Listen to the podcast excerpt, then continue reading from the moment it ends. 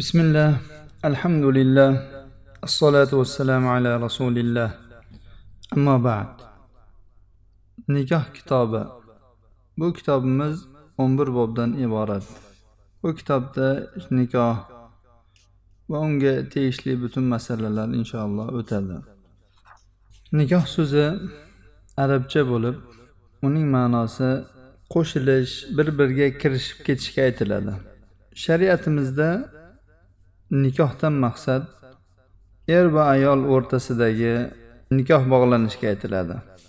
Nikohning yana bir ma'nosi jinsiy yaqinlik qilish. Nikoh so'zining lug'aviy ma'nosi ham shar'iy ma'nosi ham bu yerda bir biriga aloqali bo'lyapti. Mana shu shar'iy aqd bilan ya'ni nikoh o'qilgandan keyin erkak va ayol o'rtasida shu jinsiy qovushish halol bo'ladi. Nikohdan keyin erkak va ayol o'rtasida hissiy va ma'naviy yaqinlik hosil bo'ladi. Shariatimiz nikohga targ'ib qilgan. Alloh taolo niso surasining uchinchi oyatida o'zlaringiz yoqtirgan ayollardan ikkita uchta to'rttasiga uylaninglar. Ularni nikohlaringga olingiz deb alloh taolo aytgan.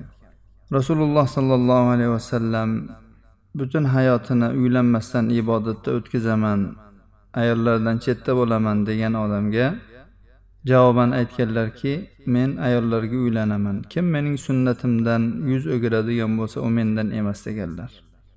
Demak kim rasululloh sollallohu alayhi vasallamni yo'lida yuraman desa u uylanish kerak bo'ladi. Rasululloh sollallohu alayhi vasallamni yo'lini tutmagan odam malomatga qolishga haqlidir. Chunki u zot mendan emas dedilar uylanmagan odamni. Rasululloh sollallohu alayhi vasallam uylanishga qodir bo'lgan. Qodir bo'lish jismoniy jihatdan bo'lsin moliyaviy jihatdan bo'lsin oilani boqishga qodir bo'lgan yigitlarni uylanishga targ'ib qilganlar. Qodir emaslarni ro'za tutib turishga buyurganlar. Birinchi bobimiz باب جواز أرض المرأة نفسها على الرجل الصالح yigirmanchi bob ayol kishi o'zini biron solih odamga yaxshi odamga menga uylanasizmi deb o'zini taklif qilishning joizligi قال أنس جاءت امرأة إلى رسول الله صلى الله عليه وسلم تعرض عليه نفسها قالت يا رسول الله ألك بي حاجة فقالت بنت أنس ما أقل حياءها وسوأتاه وسوأتاه قال هي خير منك راغبت في النبي صلى الله عليه وسلم فعرضت عليه نفسها أنس dedilar bir ayol rasululloh sollallohu alayhi vasallam huzurlariga kelib o'zini u zotga taklif qildi aytdiki ey rasululloh sizda menga hojat bormi? Buni eshitgan anasning qizlari voy o'lmasam voy sharmanda namuncha behayo bo'lmasa bu ayol dedi. Shunda anas aytdilarki bu ayol sendan ko'ra yaxshiroqdir. U nabiy sallallohu alayhi vasallamni xohladi va o'zini u zotga taklif qildi. Bu hadisni imom buxoriy kitobi nikohda rivoyat qilganlar. Erkakning ayolga ayolning erkakka suyanishi bu qalblarda o'rnashgan narsadir. Bu alloh subhanahu va taolo bandalarini insonlarni tabiatlantirib qo'ygan bir tabiatga muvofiqdir. Nikoh erkaklar ham ayollar ham bab barobar muhtoj bo'ladigan narsadir. Kamolatga erishgan erkak va kamolatga erishgan ayol nikohdan behojat bo'lmaydi. Shuning uchun ham alloh taolo nikohni mashru qilib qo'ydi. Erkak kishi o'ziga xotin bo'ladigan ayolda muayyan sifatlarni bo'lishini xohlaydi. Shuningdek ayol kishi ham o'ziga er bo'ladigan kishida muayyan sifatlarning bo'lishini xohlaydi. Alloh taoloning izni bilan bardavom bo'ladigan uzilmaydigan turmush bu erkak kishining o'zi uchun soliha bir ayolni tanlashligidan va ayol kishi ham o'ziga munosib solih erkakni tanlashi bilan bo'ladi. Agar oila alloh taoloning toat ibodati va allohga taqvo qilish ustiga quriladigan bo'lsa alloh taologa yaqinlashtiradigan solih amal allohni yaxshi ko'rish va rasuli muhammad sollallohu alayhi vasallamni yaxshi ko'rish ustiga quriladigan bo'lsa ana shunda oila kemasi hayot ummonida ohista harakatlana boshlaydi. Shubhasizki erkak kishi uchun o'zining ayoli soliha bo'lishligi foydalidir. Shuningdek ayol kishi uchun ham erining solih kishi bo'lishi foydalidir. Odamlarning qadimdan amal qilib kelgan odatlari erkak kishi ayolni tanlaydi. So'ngra shu tanlagandan keyin ana shu ayolga bir masalan ko'ngli isib xohlaydigan bo'lsa uni o'zi uchun xotinlikka tanlaydi.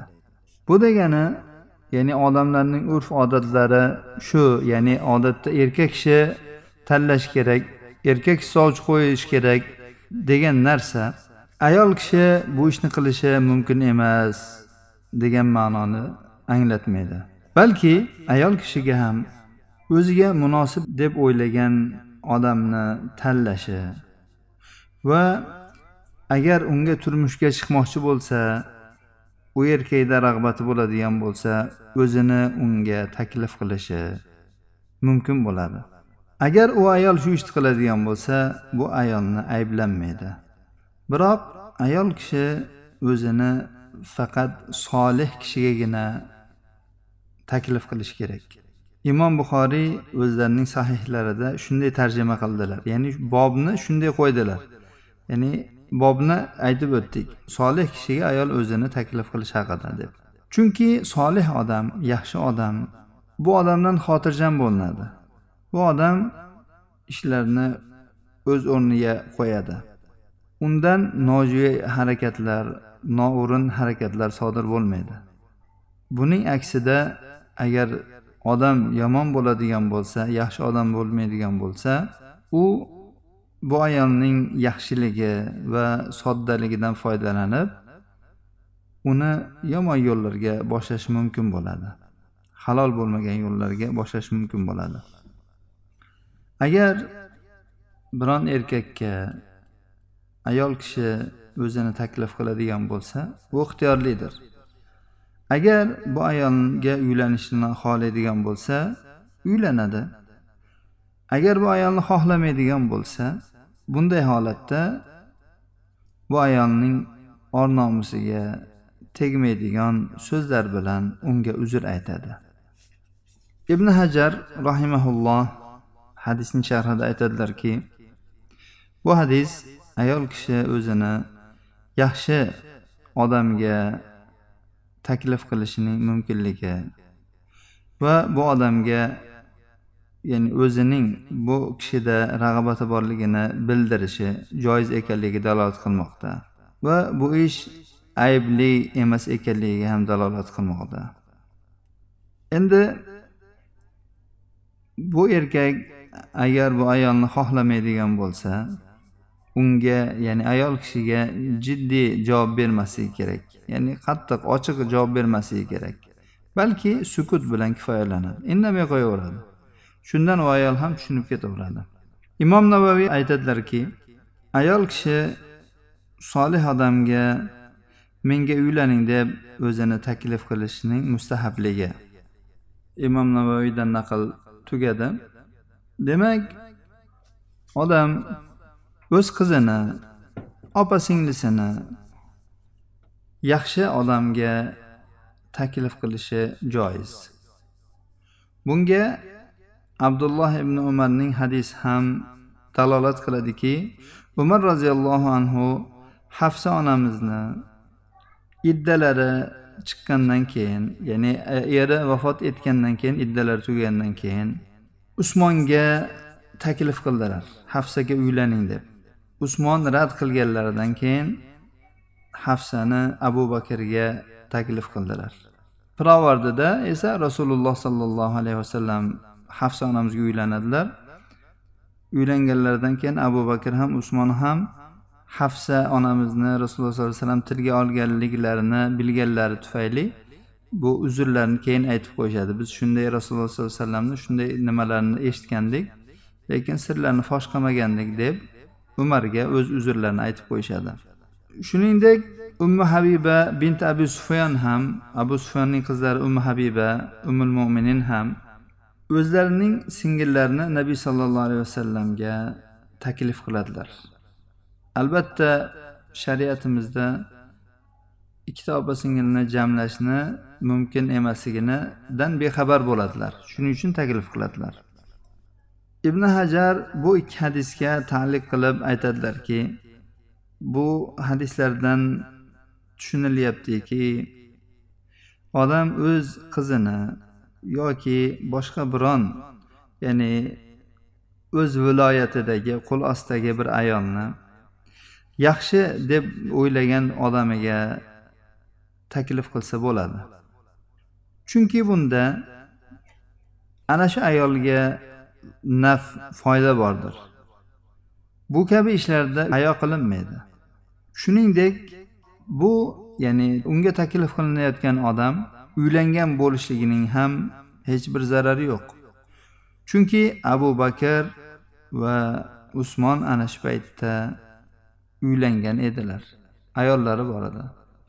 Agar nikohga bu quruq shahvatni qondirish deb qaraladigan bo'lsa ayol kishi o'zini yaxshi odamga taklif qilishi hayosizlik deb e'tibor qilinishi mumkin. Ammo nikohga bu odamlar hayotlarida ehtiyojli bo'ladigan ijtimoiy hojat deb qaraladigan bo'lsa va alloh taboraka va taolo ayolni erkakka erkakni ayolga muhtoj qilib yaratgan. Bulardan birontasi ikkinchisidan behojat bo'lolmaydi deb qaraladigan bo'lsa ayol kishi o'zini yaxshi odamga taklif qilishi hayosizlik bo'lmaydi. Balki bu odam o'ziga kerak bo'lgan narsani o'ziga munosibini izlashligi bo'ladi xolos. Bu kabi ishlarda odamni malomat qilinmaydi. Masalan bir kishi oddiy ya'ni vaqtincha ishlatib keyin undan behojat bo'ladigan narsani o'ziga munosibini izlaydi aylanadi ko'radi izlab keyin oladi. Ha endi bu butun hayot davomida birga bo'laman deb maqsad qilib uylanmoqchi bo'layotgan ayolni yoki erkakni izlashlikda nima ayb bor? Buni hech ayblaydigan joyi yo'q buni. Ayol kishi o'zini yaxshi odamga taklif qilsa bo'ladi deyildi. Bu o'rinda agar ayol kishi yoshi katta turmush ko'rgan bo'lsa o'zi bevosita qilsa bo'ladi buni. Ammo qiz bola bo'ladigan bo'lsa hali turmush ko'rmagan bo'lsa buni vali orqali birorta bir boshqa bir kishi orqali arz qilgani taklif qilgani yaxshi bo'ladi. O'tgan gaplardan tushunilishi mumkinki demak ayol kishi yaxshi odamga o'zini taklif qilsa bo'lar ekan demak o'zini o'zi turmushga bersa bo'laverar ekan o'zini o'zi nikohlantirib yuboraverar ekan degan noto'g'ri tushuncha tushunilib qolishi mumkin. Unday emas. Agar ayol kishi o'ziga biron erkakni munosib deb ko'radigan bo'lsa va o'zini ana shu erkakka menga uylaning deb taklif qiladigan bo'lsa bu o'rinda u erkak bu ayolning valisiga murojaat qilishi va valisi uni unga nikohlab berishi lozim bo'ladi. Ibnul munir imom buxoriyning ushbu bobga qo'ygan tarjimalarini sharhlab dedilar. Ayol kishi o'zini yaxshi odamga taklif qilish haqidagi bob buni endi sharhlayaptilar. Bunda ayol kishi o'zini solih kishining shu salohiyati yaxshiligini xohlab shunga rag'bat qilib o'zini taklif qilishining joizligi bor. E, bu ish bu ayolga joizdir. Agar u erkak bu ayolniga uylanishni xohlaydigan bo'lsa va ayolga rag'bat qiladigan bo'lsa u ayolga nikoh shartlari bilan uylanadi. Ya'ni nikoh shartlari bilan deganda shariat dalolat qilgan nikohning shartlari. Ulardan biri valiydir valiyning shartligiga bir nechta hadislar dalolat qilgan. Oysha roziyallohu anhuning so'zlari aytganlarki johiliyatda nikoh to'rt xil ko'rinishda bo'lardi. O'sha nikohlardan biri bugungi kundagi odamlarning nikohi. Bir odam biron kishining qo'l ostidagi ayol uning qizi bo'lsin singli bo'lsin unga sovchi qo'yardi. Unga mahrini berardi so'ngra uni nikohlab olardi. Deb o'sha nikohlarning turlarini aytdilarda davom etib aytadilarki muhammad sollallohu alayhi vasallam payg'ambar bo'lib yuborilgan paytlarida johiliyat nikohlarining hammasini bekorga chiqardilar. Faqat bugungi kundagi odamlarning nikohini qoldirdilar.